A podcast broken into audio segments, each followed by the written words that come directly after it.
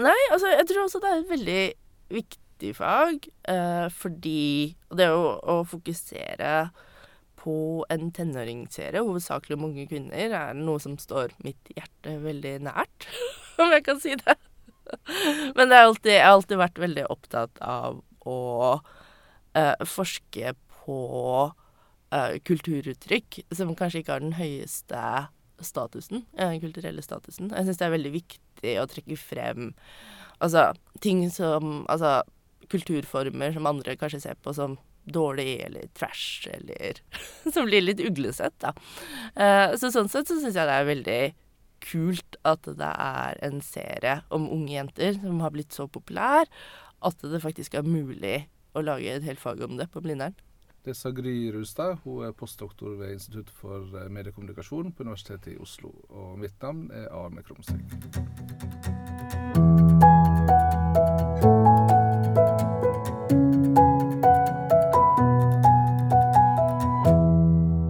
Jeg har jo alltid hatt en stor, stor forskjellighet for tenåringsdramaer. Eh, helt siden jeg så på Beverly Hills, 90210. eh, og har egentlig fortsatt og sett alle de store sånn, tenåringshitene. Eh, som Buffy og Gossip Girl og Veronica Mars og Vampire Diaries. Og nå er jeg selvsagt stor fan av Riverdale. Eh, så da jeg hørte at eh, det var en norsk tenåringsserie, så var jeg ganske kjapp med å begynne å se på den, selvsagt. Og så var det jo bare Da jeg begynte å se på den, så som alle andre voksne, så begynte jeg å se på den på TV.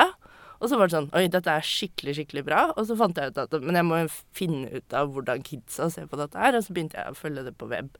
Og da var det sånn Oi, her, her er det virkelig noe å ta tak i.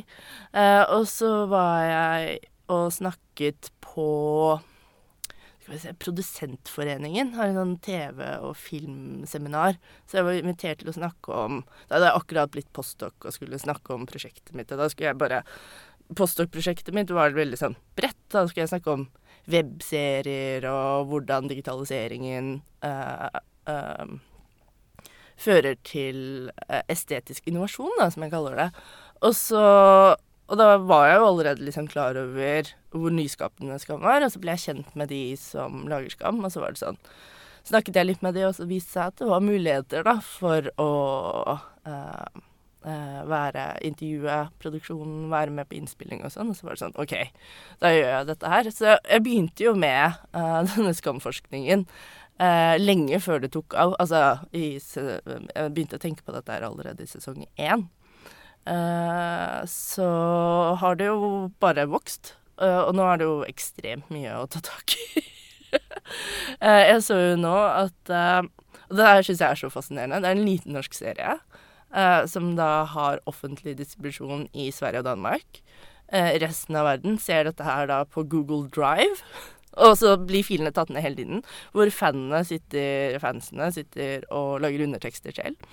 Uh, og dette blir nå sett på i Thailand, i Kina, i Taiwan, Brasil, Argentina, USA, Russland.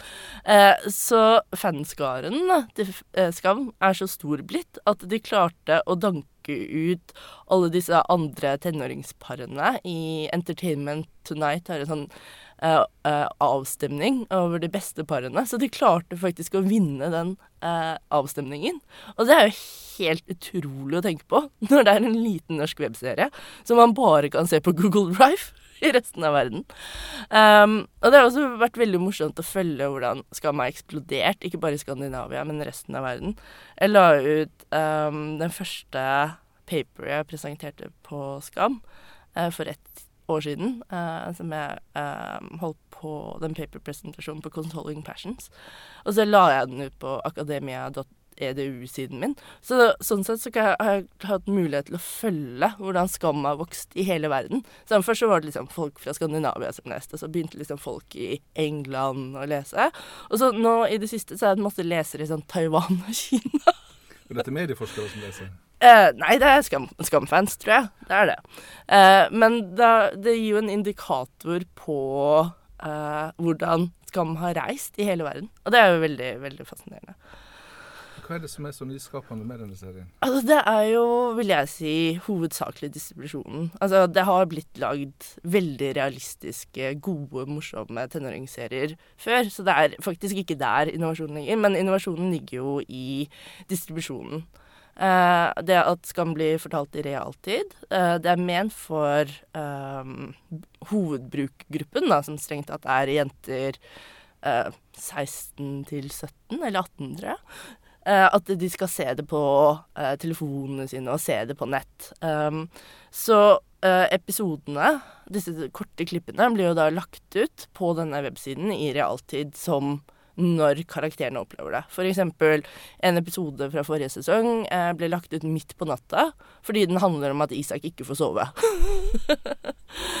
eh, så det har ført til at eh, fansen, og det samme med disse chattene den eh, skal fortelles jo i flere medier, så det er jo definitivt en sånn det man kaller en transmedial fortelling. Fordi den fortelles også gjennom Instagram-oppdateringer og chatter, altså Messenger-chatter og Messenger iMessage-chatter, er det vel de bruker. Uh, så du vet aldri når du får nytt stoff, fordi alt skjer jo. Alt blir lagt ut når det skjer i livet til karakterene. Så folk Det skaper jo veldig sånn at man følger med hele tiden, for man er jo så nysgjerrig på hva som skjer, og så må man vente med karakterene. Vanligvis så skjer det alltid noe på fredager, for det er en stor fest eller en date eller et eller annet sånt. Så karakterene har liksom forventninger til fredager, da, og det er jo litt sånn som når man ser lik på videregående, ikke sant. Man gleder seg til helgen, for da var det noen som hadde fest. Um, Altså man går rundt og venter med karakterene på en helt annen måte enn når man ser en episode i uka, um, som man er vant til fra vanlig TV. Da. Så, den, så det som kanskje er nytt, er jo at de virkelig tar i bruk uh, mulighetene ved å fortelle en historie på web. Uh, og jeg tror også en annen grunn til at det blir så nært, er jo at de fleste i hovedbrukergruppen, altså ungdommer, uh, ser skam også på mobiltelefonen sin. Og det er sånn, Med en gang det kommer ut et klipp, så sitter de og ser det i timen, altså. Eller de sitter og ser det på T-banen på vei hjem, eller eh, Så det er også noe med at de ser det på mobiltelefonen, tror jeg, som er eh, veldig interessant. Fordi mobiltelefonen er jo en helt annen skjerm eh, enn f.eks. TV-skjermen. Eh, fordi den er jo så personlig. Man må jo til og med, For å få tilgang til den, så bruker man gjerne fingeravtrykket sitt. Det er så personlig den skjermen er. Uh, og dette snakket jeg med produksjonen om også. Dette var det helt bevisst. At uh, telefonen er det første unge mennesker sjekker uh, før de legger seg. Uh, og Nei, det siste de sjekker før de legger seg, og det første de sjekker når de våkner. Uh, jeg spurte faktisk noen studenter her også, og det stemte for alle de også. Uh, og jeg tror det stemmer også for min del. Og jeg tror det også stemmer for ganske mange voksne. Så det å lage en fortelling og prøve å benytte seg av hvordan man bruker mobilskjermer da, i en fiksjonsfortelling, er veldig veldig nyskapende. Fordi de fleste webserier følger jo en slags TV-logikk fremdeles, hvor det kommer en ny episode i uka, eller man legger bare ut alle episodene på nett samtidig. Sånn at uh, eksempel Netflix-modellen er jo egentlig DVD-modellen. Det er jo egentlig ikke noe nytt med Netflix, det er bare forskjellen er at man strømmer det på nett istedenfor å kjøpe en DVD-boks. Um, så der, det er vel kanskje det jeg personlig synes er mest spennende med Skam, da. Og så er det en veldig bra serie. I produksjonen, du har fulgt, de produksjonene, den er også forskjellig fra hvordan andre uh, ja. serier blir til? Altså, uh, sånn jeg skjønte, så er den veldig, veldig liten. Uh, det er veldig lite budsjett. hva var det Håkon Mosleth sa? Jeg tror han sa at de, de to første sesongene av Skam kostet NRK åtte millioner. Det er jo nesten ingenting for så mye innhold. Um, så det er en veldig liten produksjon. alle er Uh, så det er veldig sånn Akkurat som du får en følelse av en veldig sånn sterk intimitet når man ser på serien. Det tror jeg også har noe med produksjonen å gjøre. Det at det er en veldig liten intimproduksjon som jeg tror skaper en veldig stor trygghet for skuespillerne, uh, som da er veldig unge. Uh, samtidig så la Julie Andem, altså regissør og skaper, hva man egentlig sier på norsk, showrunner, um, lar også eh, studenten, nei, eh, skuespillerne gjerne improvisere seg inn i scener og improvisere seg ut av scener. Eh, og så ber hun jo også skuespillerne veldig mye om feedback eh, og hva de synes og hvordan de ville sagt ting. Og, eh, så da får du også en sånn derre eh, medskaper for Altså hvor disse unge skuespillerne selv er delaktige da, i å skape denne veldig autentisiteten som jeg tror programmet har. Um, og så er det jo også Da de skapte Skam, så brukte de uh, intervjuer. Baserte seg de, Jeg tror de foretok uh, 50 intervjuer med tenåringer i hele Norge. Som de tok som utgangspunkt for å skape Skam. Uh, hvor det de prøvde å gjøre, var å finne ut ikke bare hva unge mennesker i Norge vil ha, men faktisk hva de trenger. Eh, så dette har vært uttalt om Skam, at det de fant ut, var at eh, norske ungdommer trenger å lære seg mer selvironi eh, og humor for å liksom takle presset da, som veldig mange opplever. Du, du forsker på Skam. Hva forsker du på da? Jeg prøver å forske på veldig mye forskjellig, men det jeg tar utgangspunkt i, er jo Uh, kanskje ikke skam direkte, men hvordan vi kan forstå medieutviklingen ved bruk av skam. Uh, så Steffen og jeg, eh, Steffen Krüger, uh, har skrevet en artikkel nå, som faktisk har blitt antatt i Television and New Media, som handler om fandiskursen. og så har jeg planer om å skrive en mer sånn distribusjonsestetikk da, som jeg kaller det, uh, i Skam. Som var kanskje det jeg snakket om først. Uh, dette med mobilskjermer og fortelling. Uh, og så har jeg også planer om å skrive no, en del altså et par artikler kanskje som går på dette med produksjonen. Blant annet så skal jeg skrive en artikkel med en forsker ved Northwestern, og jeg er på besøk. Uh, som heter AJ Christian, uh, som jobber mye med webserier. Uh, og hvor vi skal sammenligne produksjonen av Skam med hvordan han produserer sine webserier i USA. Du jobber for tida som gjesteforsker på og Ser Skam annerledes ut når du sitter der borte, eller når du sitter i Oslo? nei, altså nå har jeg Ja, jeg så jo litt nå, men nå har det ikke vært så mye nye episoder mens jeg har vært borte. Men jeg har en sånn VPN-adresse, så jeg får sett Skam. ja. Men det som er morsomt, er jo at jeg har fått veldig mange av kollegaene mine der til å begynne å se på Skam. Uh, og uh, som da ser det på Google Drive og sånn. Ja. Så det er jo veldig morsomt. Ser de det samme som deg? De ser det nok på en litt annen måte, men de syns det er kjempebra, da. Men det er nok litt mer eksotisk for de enn for meg. Uh, fordi det Skam er jo strengt tatt en norsk serie. Uh, men de, de, er også veldig, veldig imponert og overbevist. Og en kollega og venninne av meg skal ha et fag om uh, tenåringsmedia og tenåringsserier nå, så da, da, skal jeg komme og snakke om Skam, da, for studenten hennes. Du skal ikke bare undervise om Skam i Amerika, du skal gjøre det i Oslo også? Ja, til høsten uh, så blir det skal jeg ha et fag om webserier, som da skal hovedsakelig ta utgangspunkt i Skam som case. Så det kan jo bli veldig spennende. forventer full sal? Uh, ja, eller i hvert fall studieleder forventer veldig full sal. Men ja, det, det har nok eh, potensialet til å bli ganske fullt, ja. Jeg tror også faget i seg selv kan bli veldig spennende. Jeg syns jo webserier i seg selv også er et veldig, veldig spennende tema. Og det er Forskningen på det er jo veldig, veldig ny. Uh, så for eksempel hovedboka håper jeg rekker å komme ut fra forlaget uh, før faget starter. Hvis ikke så må vi finne på noe der. Uh, så Hva det studentene lærer på Skamkurset?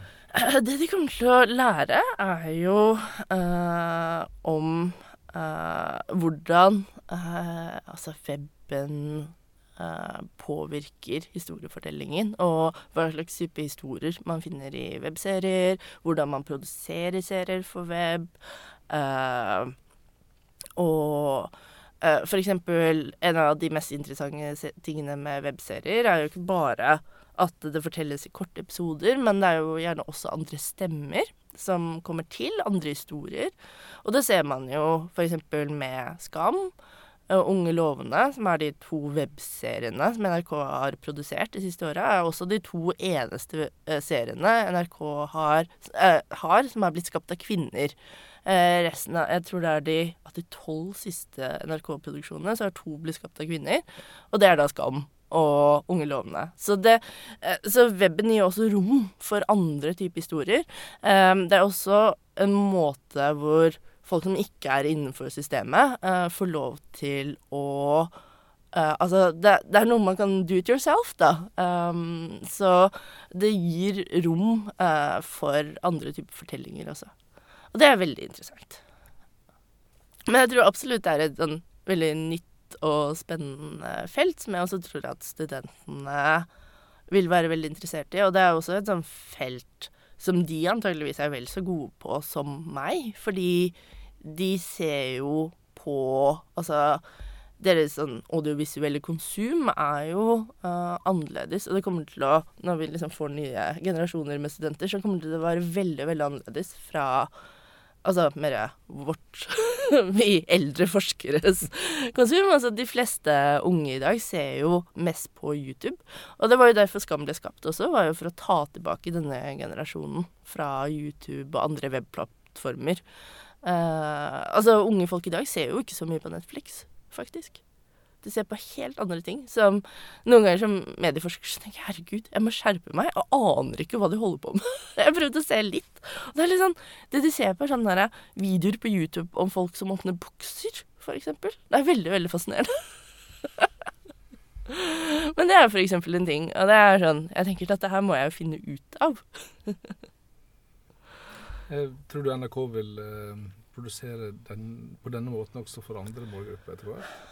Det vet jeg ikke. Men det som er veldig interessant, er jo at Skam er ikke uh, den første serien som NRK har gjort dette med. Altså, de har gjort noe lignende med serier. Altså Super har gjort lignende ting med serier for yngre målgrupper. Altså Mia jenter er jo faktisk de første serien NRK gjorde dette med.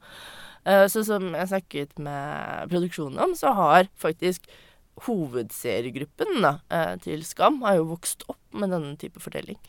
Uh, og det var jo sånn den eneste måten de markedsførte Skam på, var gjennom nettsidene til jenter. Så jenterfansen satt allerede klare og ventet på Skam, fordi da hadde mange av de allerede vokst fra jenter litt, så de var veldig klar for Skam, da. Og så vokste det jo ut ifra det. For det var jo ikke noe sånn markedsføring av Skam i det hele tatt. Dette var noe fansen på en måte oppdaget selv. Kan du fortelle litt mer om eh, faget? Kommer til å bli litt gjesteforelesninger. Jeg håper kanskje at vi kan få besøk. Fra Skam? Ja. Skal vi få prøve å få noen til å komme. Uh, og så Ja. Uh, håper jeg at uh, vi kommer til å fokusere mye på forskjellige aspekter da, med webseriene. både litt produksjon, estetikk. Uh, og også det mer sånn Den kulturelle konteksten man må lese det i. Uh, historien til webserier. Um, uh, så, så dette blir spennende. Hva slags eksamen får en i Skam, da?